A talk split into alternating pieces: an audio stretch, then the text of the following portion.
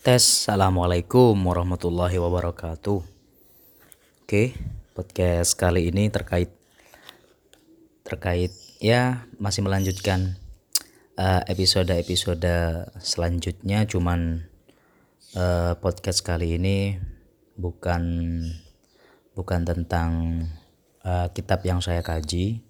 Biasanya kitab Mau'idatul Mukminin Tapi di episode kali ini lebih kepada uh, membacakan membacakan sebuah buku yang menjadi salah satu uh, nasional bestseller bestseller yang ditulis oleh Profesor Quraish Shihab uh, judul bukunya dia di mana-mana tangan Tuhan di balik setiap fenomena.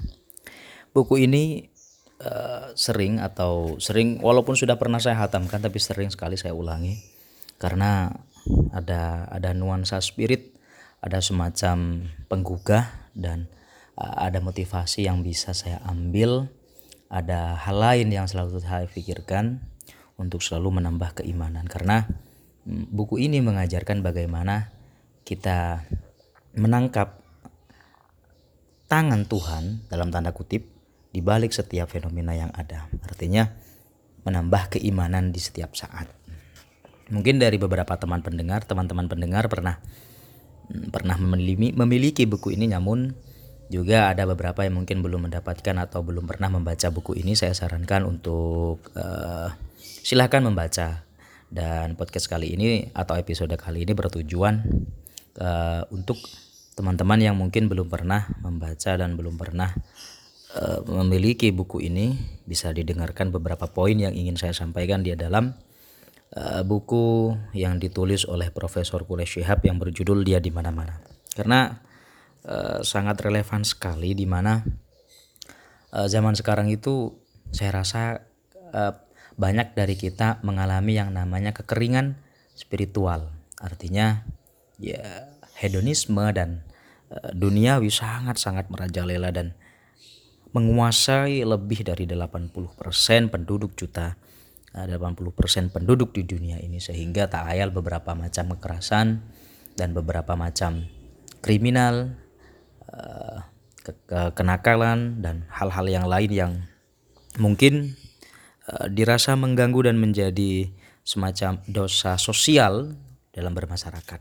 Sehingga perlu adanya penambahan perlu adanya pengingat untuk saya pribadi tentunya dan untuk teman-teman yang lain untuk selalu ber, uh, mengingat bahwasanya di setiap fenomena, di setiap kejadian, di setiap momentum itu tidak lepas dari yang namanya tangan Tuhan atau takdir yang sudah digariskan. Itu menunjukkan bahwasanya uh, sebuah uh, bentar bentar. ya, maaf, agak flu. Uh, sampai mana tadi?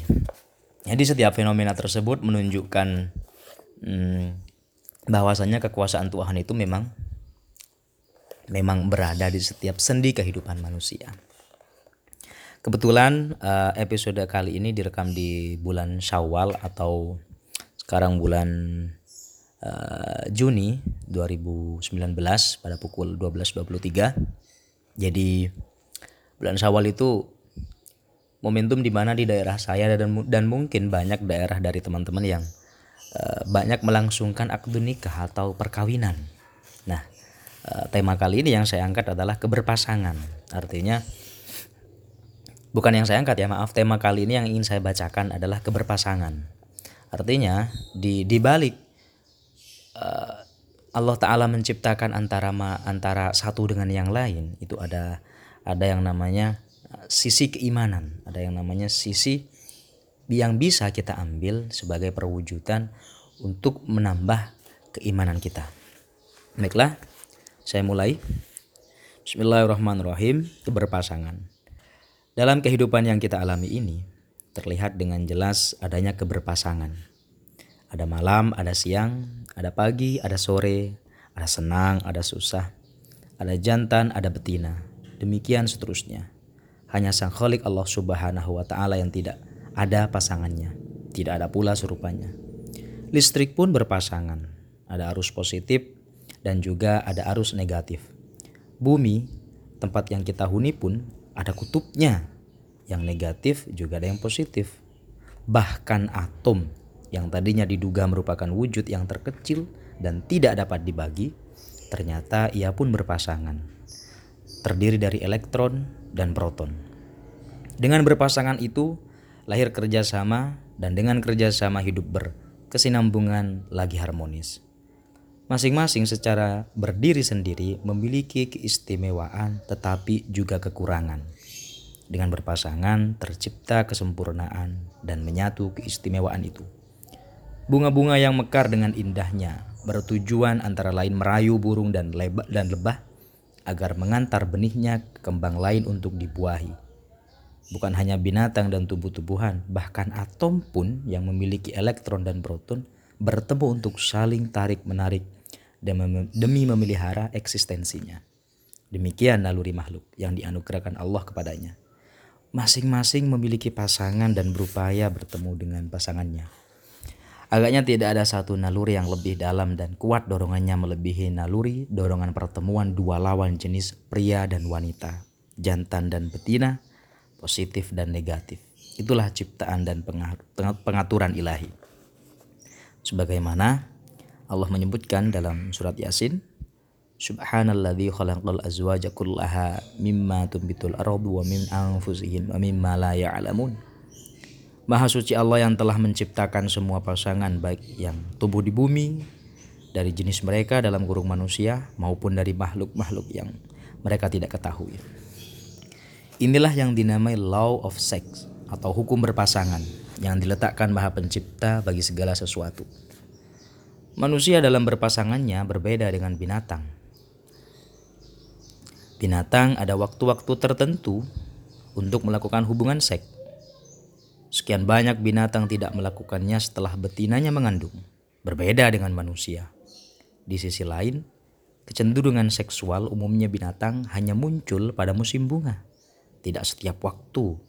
Karena itu pula, kita menzalimi binatang ketika memaki seseorang yang mengumbar nafsunya ke kiri dan ke kanan tanpa batas dengan menyatakan bahwa nafsunya seperti binatang. Sebab pada hakikatnya nafsu manusia, apalagi yang durhaka, itu melebihi nafsu binatang, bahkan tak mengenal batas. Keberpasangan adalah aksi dari satu pihak yang disambut dengan reaksi penerimaan oleh pihak lain. Suatu mempengaruhi dan yang lain dipengaruhi. Atas dasar inilah law of sex berjalan. Dan atas dasar itu pula alam raya diatur oleh Allah Subhanahu wa taala. Jika kita mengakui bahwa keberpasangan merupakan ketetapan ilahi yang berlaku umum dan ini harus diakui karena kenyataan membuktikannya, maka harus diakui pula bahwa bukanlah suatu yang kotor atau najis, tetapi keberpasangan ialah bersih, suci, lagi terhormat dan harus selalu bersih suci dan terhormat. Itu salah satu sebab mengapa ayat 36 surat Yasin yang dikutip di atas dimulai dengan kata subhana maha suci. Tidak dibenarkan adanya noda pada seks dan setiap noda yang mungkin muncul harus segera dihindari. Dari sini pertemuan lelaki dan perempuan harus selalu disertai oleh kebersihan dan kesucian. Selanjutnya, jika kita mengakui bahwa aksi dan reaksi atau pengaruh mempengaruhi merupakan kodrat segala sesuatu, maka harus diakui pula bahwa tiada keistimewaan bagi yang melakukan aksi dari segi fungsinya sebagai pelaku, dan tidak juga ada kekurangan bagi yang menerima reaksinya. Walaupun harus diakui bahwa yang melakukan aksi lebih kuat dari yang menerimanya Contoh, seandainya jarum tidak lebih keras dari kain atau pacul tidak lebih kuat dari tanah, maka tidak akan ada jahit menjahit, juga tidak akan berhasil pertanian.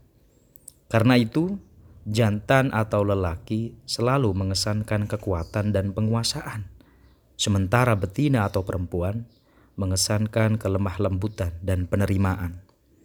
Namun demikian, sekali lagi, Ketentuan atau kelemah lembutan di sini sama sekali tidak menunjukkan superioritas satu pihak atas pihak lain, tetapi masing-masing memiliki keistimewaannya dan masing-masing membutuhkan yang lain. guna tercapainya tujuan bersama. Bagi manusia, mendambakan pasangan merupakan fitrah sebelum dewasa dan dorongan yang sulit dibendung setelah dewasa.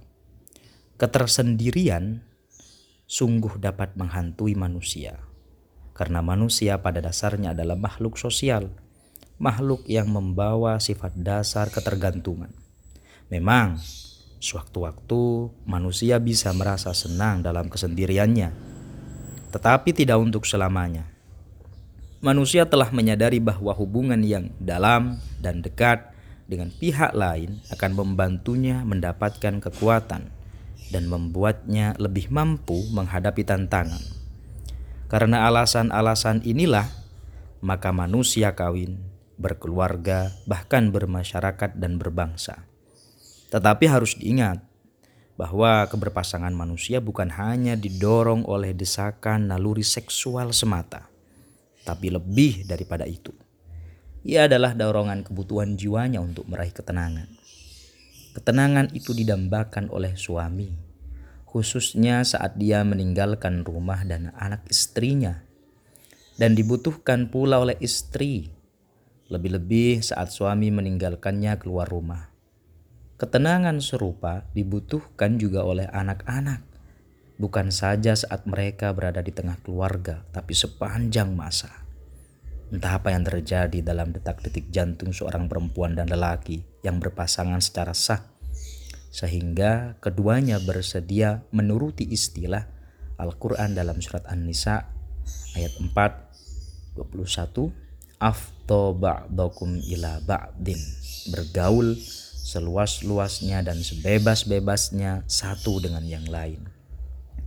Pergaulan itu tidak hanya terbatas pada hubungan jasad, tetapi mencakup aneka kegiatan, mencangkup emosi dan perasaan, keresahan, serta sambutan timbal balik yang beraneka ragam, serta rahasia-rahasia jiwa yang terdalam.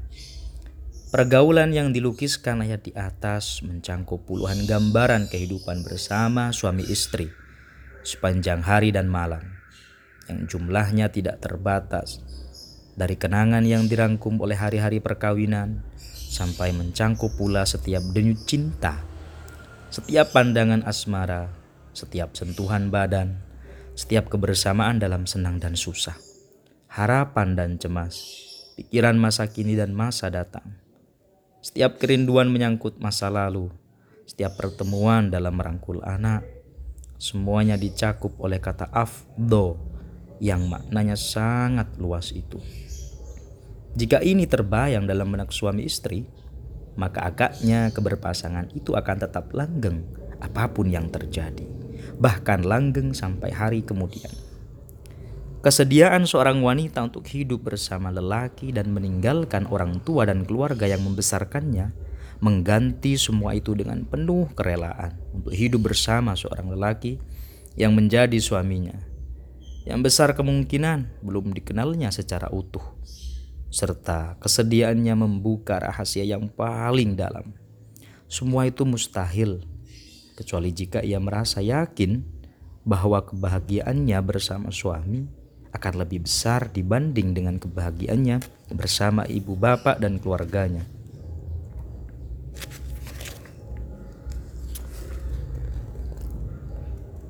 Itulah satu dari sekian banyak ayat atau tanda kehadiran Allah Subhanahu wa taala dan kuasa Allah dan yang perlu diingat dan direnungkan oleh pasangan suami istri sebagaimana pesannya wa min syai'in khalaqna zawjaini la'allakum dan segala sesuatu kami ciptakan berpasang-pasangan supaya kamu mengingat yakni mengingat betapa maha kuasanya Allah dan mengingat pula betapa agung nikmat yang dianugerahkannya kepada manusia dan semua makhluk. Demikianlah kita menemukan Allah dalam kebersamaan makhluk dan memang dia wujud dan kita dapat menemukannya di mana-mana. Wallahu a'lam bishawab.